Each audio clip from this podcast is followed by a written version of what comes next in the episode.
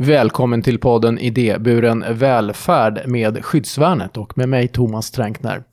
Ja, kära lyssnare, idag ska vi prata med en kär gäst som heter Erik Rosenschütz. Välkommen hit. Ja, tack Thomas. Du är ju en av de som jobbar här på Skyddsvärnet dagligen. Ja. Och vad är det du gör? Jag är enhetschef på Björka Hässelby stödboende som det heter. Precis, så det här är ju andra gången du säger det, för att i ett tidigare avsnitt så berättade du precis vad eh, det här är med Björka Hässelby stödboende och halvvägshus. Ja, och jag kanske ska berätta lite mer om det i det här avsnittet också. Ja, lite kort. Ja, eh, precis. Och för den som inte har lyssnat på det förra avsnittet så kan jag berätta att vi är ett stödboende där vi tar emot företrädesvis perso- vuxna personer med eh, missbruksproblem och som behöver någonstans att bo och behöver hjälp och stöd i vardagen kring sin drogfrihet och även hjälp att eh, komma att få kontakt med myndigheter och stödjande samtal och lite annat. Mm. Hur kom det sig eh, att det blev den här banan med att bli chef för en sån här verksamhet? Oj, det, äventyret började med att jag jobbade faktiskt som kontaktperson här. Kvalificerad kontaktperson på skyddsvärnets träningslägenheter. Och jag trivdes väldigt bra med skyddsvärnet och skyddsvärnet verkade trivas med mig. Men det fanns inte förutsättningar för någon tillsvidareanställning där då. Utan jag hade ett vikariat och då fick jag möjlighet att börja jobba ute i Hässelby på vårt stödboende där. När var det här? Det här var, alltså jag har inte jobbat så länge inom skyddsvärnet. Det var 2020 som jag började på träningslägenheter och våren 20, i januari 2021 började jag på stödboendet. Ja, så det är... Ja, när det här kommer ut så är det ett och ett halvt år sedan någonstans. Ja, precis. Och då, så, så att jag började arbeta ute i Hässelby som kontaktperson. Så, eh, där och jobbade med klienterna där ute. Och eh, sen så eh, vart det så att min chef slutade och var på jag fick erbjudandet om jag var intresserad att ta över och fick börja som, eh, och vikariera som tillförordnad enhetschef. Ja. Och så sen en tid tillbaka då så är jag nu tillsvidareanställd. Men om vi skulle gå ännu längre tillbaka, så ditt intresse för ja, människor, var kommer det ifrån? Jag är väl i grund och botten en väldigt social människa. Jag tycker om att, att prata med människor. Jag gillar att ha att göra med människor som faktiskt är annorlunda och har lite problem. Jag tycker det är stimulerande och utmanande. är Och det väl- tog sig in form av att du bestämde dig för att nu ska jag skaffa mig en riktig utbildning inom det här. Ja, eller det började med faktiskt att jag arbetade på en daglig verksamhet inom LSS i min hemkommun. Ja. Och trivdes väldigt bra med målgruppen men kände väl någonstans att mina karriärvägar var tämligen begränsade. Mm. Så jag var egentligen ganska nöjd med det arbetet där jag fick göra. Och då insåg jag att jag behöver ju skaffa mig en utbildning om jag vill kunna göra lite mer och få göra lite mer kvalificerat arbete. Mm. Varpå jag beslutade mig för att söka till socionomprogrammet på Mm. Stockholms universitet. ja. Treårig utbildning. eller? Tre och ett halvt år i utbildningen. Ja. Det är rätt länge. Ja, det är ett bra tag. Hur var det då? Jag menar, det, det, är, det, är en, det är en lång tid. Ja, det är det ju. På det personliga planet så måste jag säga att det var en, jag hade det väldigt bra när jag studerade. Jag liksom engagerade mig i studentkåren där. Jag gjorde mycket intressanta och spännande grejer där. Och hade socialt väldigt trevligt. Men det var en tuff process att börja plugga som... Jag vet inte hur gammal jag var, men jag var ju en bit över 35 i alla fall när jag började där. Ingen ungdom på, på det sättet som kanske... Nej, långt du, du var ifrån. inte 19 i varje fall. Nej, jag var inte 19 i alla fall och det är så inte studerat på länge och Nej. kanske liksom inte världens mest organiserade student helt enkelt. Nej. Eh, fortsatte du jobba någonting under studietiden? Ja, jag arbetade under studier. Jag började arbeta redan efter ett år att jag hade pluggat där så började jag jobba på, som eh, behandlingsassistent på ett stödboende inom Stockholms stad. Ja. Där jobbade jag ju frekvent under ett antal år faktiskt. Ja. Så. Och jobbade väl kanske till och med lite mycket i perioder också. Så Du menar att det gick ut över annat? Ja, det gick ut över kvaliteten på mina studier i, perioder så. Men det var, ja, jag ska säga så här i efterhand så, så är jag väl liksom, jag är nöjd med mina val. Så absolut, och jag fick lära mig väldigt mycket där och det som jag har med mig hit i det här jobbet här. Mm. Ja, men det har ju handlat om människor hela tiden och nu är du ju chef för en, eh, den här verksamheten om, som, som just är stödboende och eh, frivårdens eh, halvvägshus ju. Ja, precis. Kan det inte bli för mycket av allt det här? Jo, Har du det... känt att hmm, det vore kul att prova något annat någon gång? Människor i all ära. Ja, men, men det är ju det som jag märker i allt det här arbetet. Det är ju det jag tycker om. Människorna jag gillar och mina medarbetare som jag är ansvarig för och stötta och vägleda dem. Det är ju, tycker jag, den minst energikrävande delen i mitt arbete. Samma sak om vi har klienter som inte är helt nöjda kanske. Så jag gillar människorna. Så jag tycker det är trevligt och jag ser ju mig själv som, ja visst jag är ju chef och det är jag som är ytterst ansvarig och i slutändan så är det ju jag som bestämmer. Det ska man ju inte komma, komma bort ifrån. Men jag gör vad jag kan för att inte hamna i det läget med människor där jag måste bestämma. Ibland måste man ju det. Ibland måste man ju det och då drar inte jag mig för att fatta beslut som andra människor kanske inte tycker jag borde fatta. Men om vi går in i ditt nuvarande jobb på Björka Hässelby. Det är 43 män, eller 43 platser. 43 som, platser, ja. ja och uh, hur, hur ser personalen ut? Hur många är de som du jobbar med, som du har till förfogande så att säga? Eh, vi, jag har fem stycken eh, heltidsanställda personal. Ja. Och eh, huset är bemannat 24 timmar per dygn. Av de här fem? Av de här fem. Mm, så det är ett, eh, vad kallar man det för, femskift någon slags? Ja, precis. Det är ett femskift som är fördelat på fem veckor. Ja, just det. Löper det här schemat. Ja. Varpå att då har vi alltså, vi har två eh, schematyper, eller vi har två passtyper på varje schema. Alla har samma schema. Och antingen jobbar man ett 8 timmars kvällspass mellan 14 och 22. Eller så jobbar man ett 24 timmars pass mellan 9 på morgonen till 9.30 dagen efter. Jobbar man det här 24 timmars passet så har man då också sovande jour som det heter. Ja. Men du var inne på det här tuffa saker. Vad är tuffast i din roll på ditt jobb? Ja men det är ju att skriva ut en klient som det inte fungerar för. Om vi har en klient som kanske återfall, alltså, som återfaller i missbruk och gör det ofta och kanske är påverkad i lokalerna. Det är ju så att det här med återfall är, är känsligt. Vi är en drogfri verksamhet vilket betyder att man får inte vara påverkad i våra lokaler.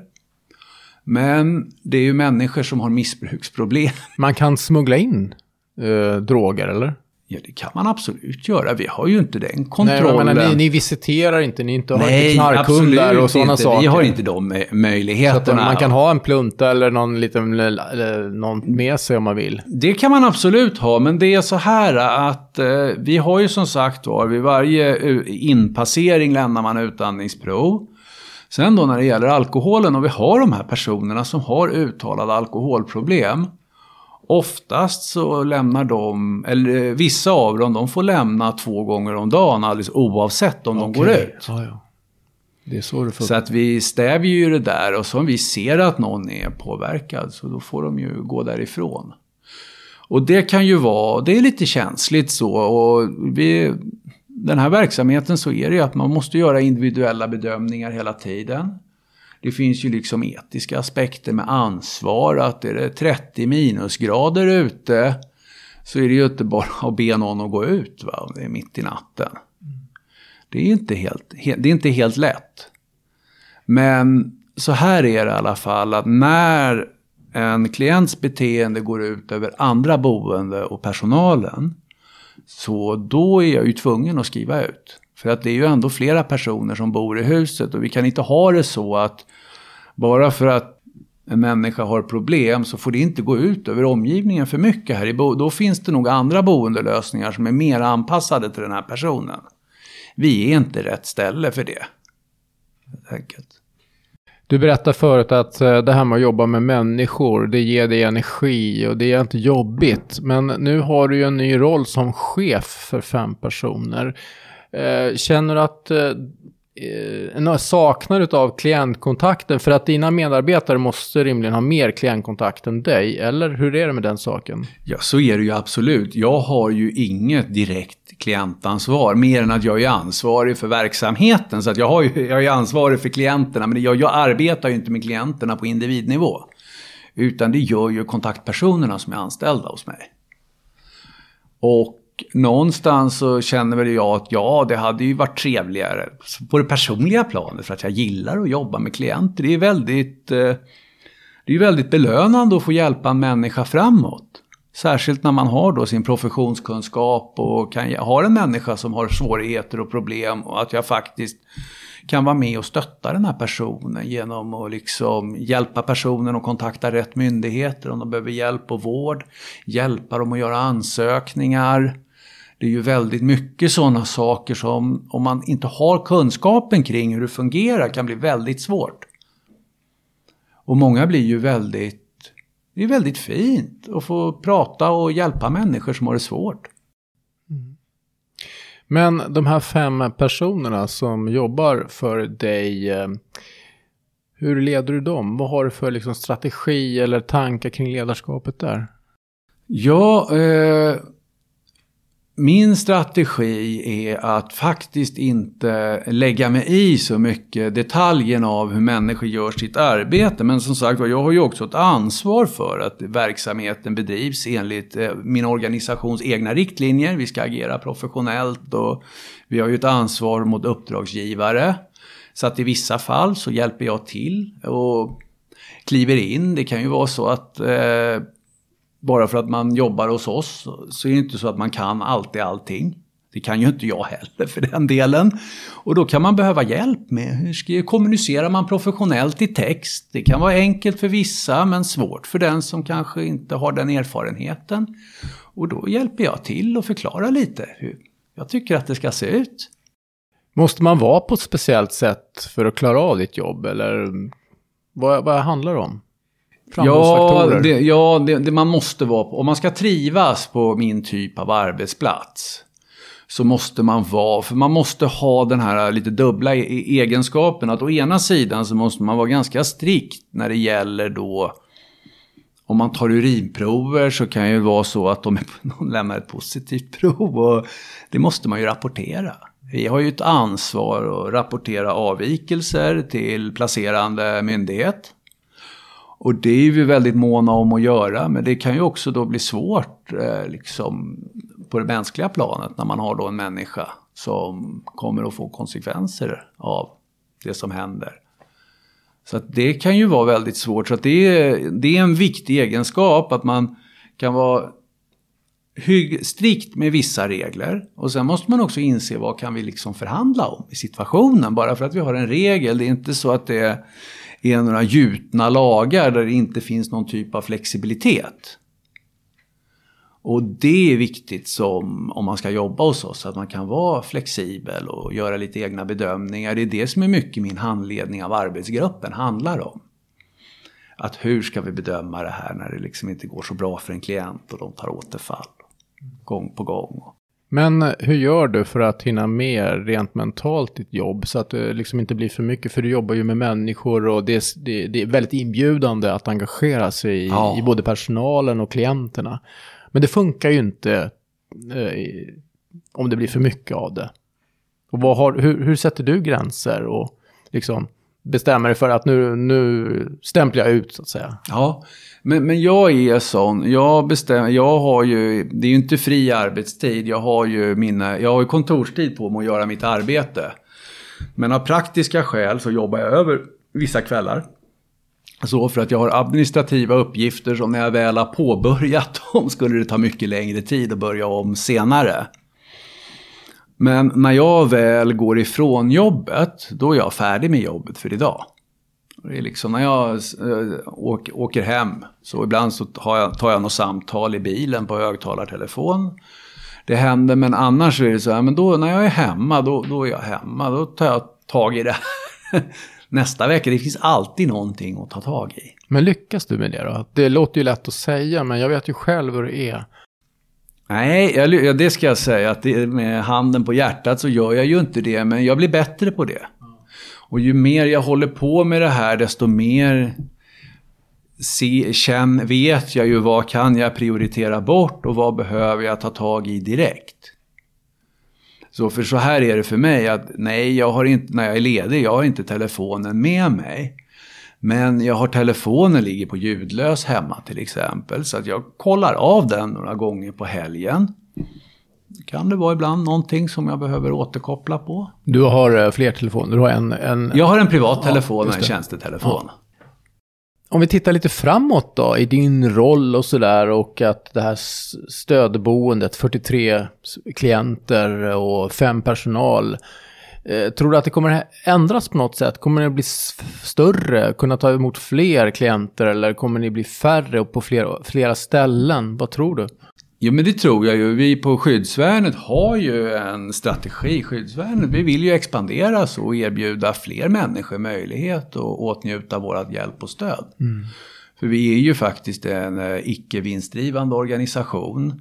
Vårat, all eventuell vinst som min verksamhet ger, den återinvesteras ju i skyddsvärnet så att säga, i andra verksamheter och vi startar nya projekt. Så att det är ju ingen som får någon vinst eller jag får ju ingen bonus för att jag har fler klienter i verksamheten.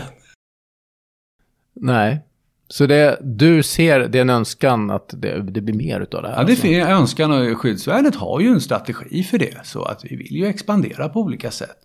Sen är det ju lite så att alltså min verksamhet är ju ganska stor, 43, vi har 43 platser och det är ju väl tilltaget. Däremot man får ju i så fall strukturera om det på andra sätt. Att man skulle ju kunna ha andra verksamheter. Men som en enda verksamhet så är det nog liksom, där är väl gränsen. Jag kan inte se att vi skulle kunna bedriva det där effektivt om vi ökade med 30 procent. Då får vi ju liksom Ja, då får vi lägga om strategin helt enkelt. Och det är ju fullt, det finns alla möjligheter. Men just idag är väl liksom volymen, men då får vi väl starta någon annan verksamhet helt enkelt. Är det något mer att säga? Är det något annat som jag borde fråga dig innan vi slutar? Nej, men en personlig reflektion kring det här med rollen som enhetschef så tycker jag att det här är jättegivande, jättespännande att få sätta mig in i och lära mig alla nya saker. Jag har liksom ett helt hav av plikter som jag liksom ska uppfylla och hur ska jag prioritera och särskilt då som ny så behöver jag ju också skaffa kunskap om hur det ska gå till. Och det är ju väldigt trevligt i min organisation att vi har ju väldigt, jag har ju väldigt fint kollegialt stöd. Dels har jag ett administrativt stöd från ekonomi och... Ja, du menar här inom skyddsvärnet? Här inom skyddsvärnet som gör, ja. som gör det här jobbet väldigt liksom trevligt helt enkelt. Stort lycka till eh, fortsättningsvis med eh, enhetschefsjobbet. Ja, tack Thomas. Och eh, tack till dig som lyssnar. Fortsätt med det. Du ska ju prenumerera på den här podden om du hör på oss på iTunes. Eller så trycker du på följknappen om det är på Spotify du hör oss. Ha det bra. Hej då.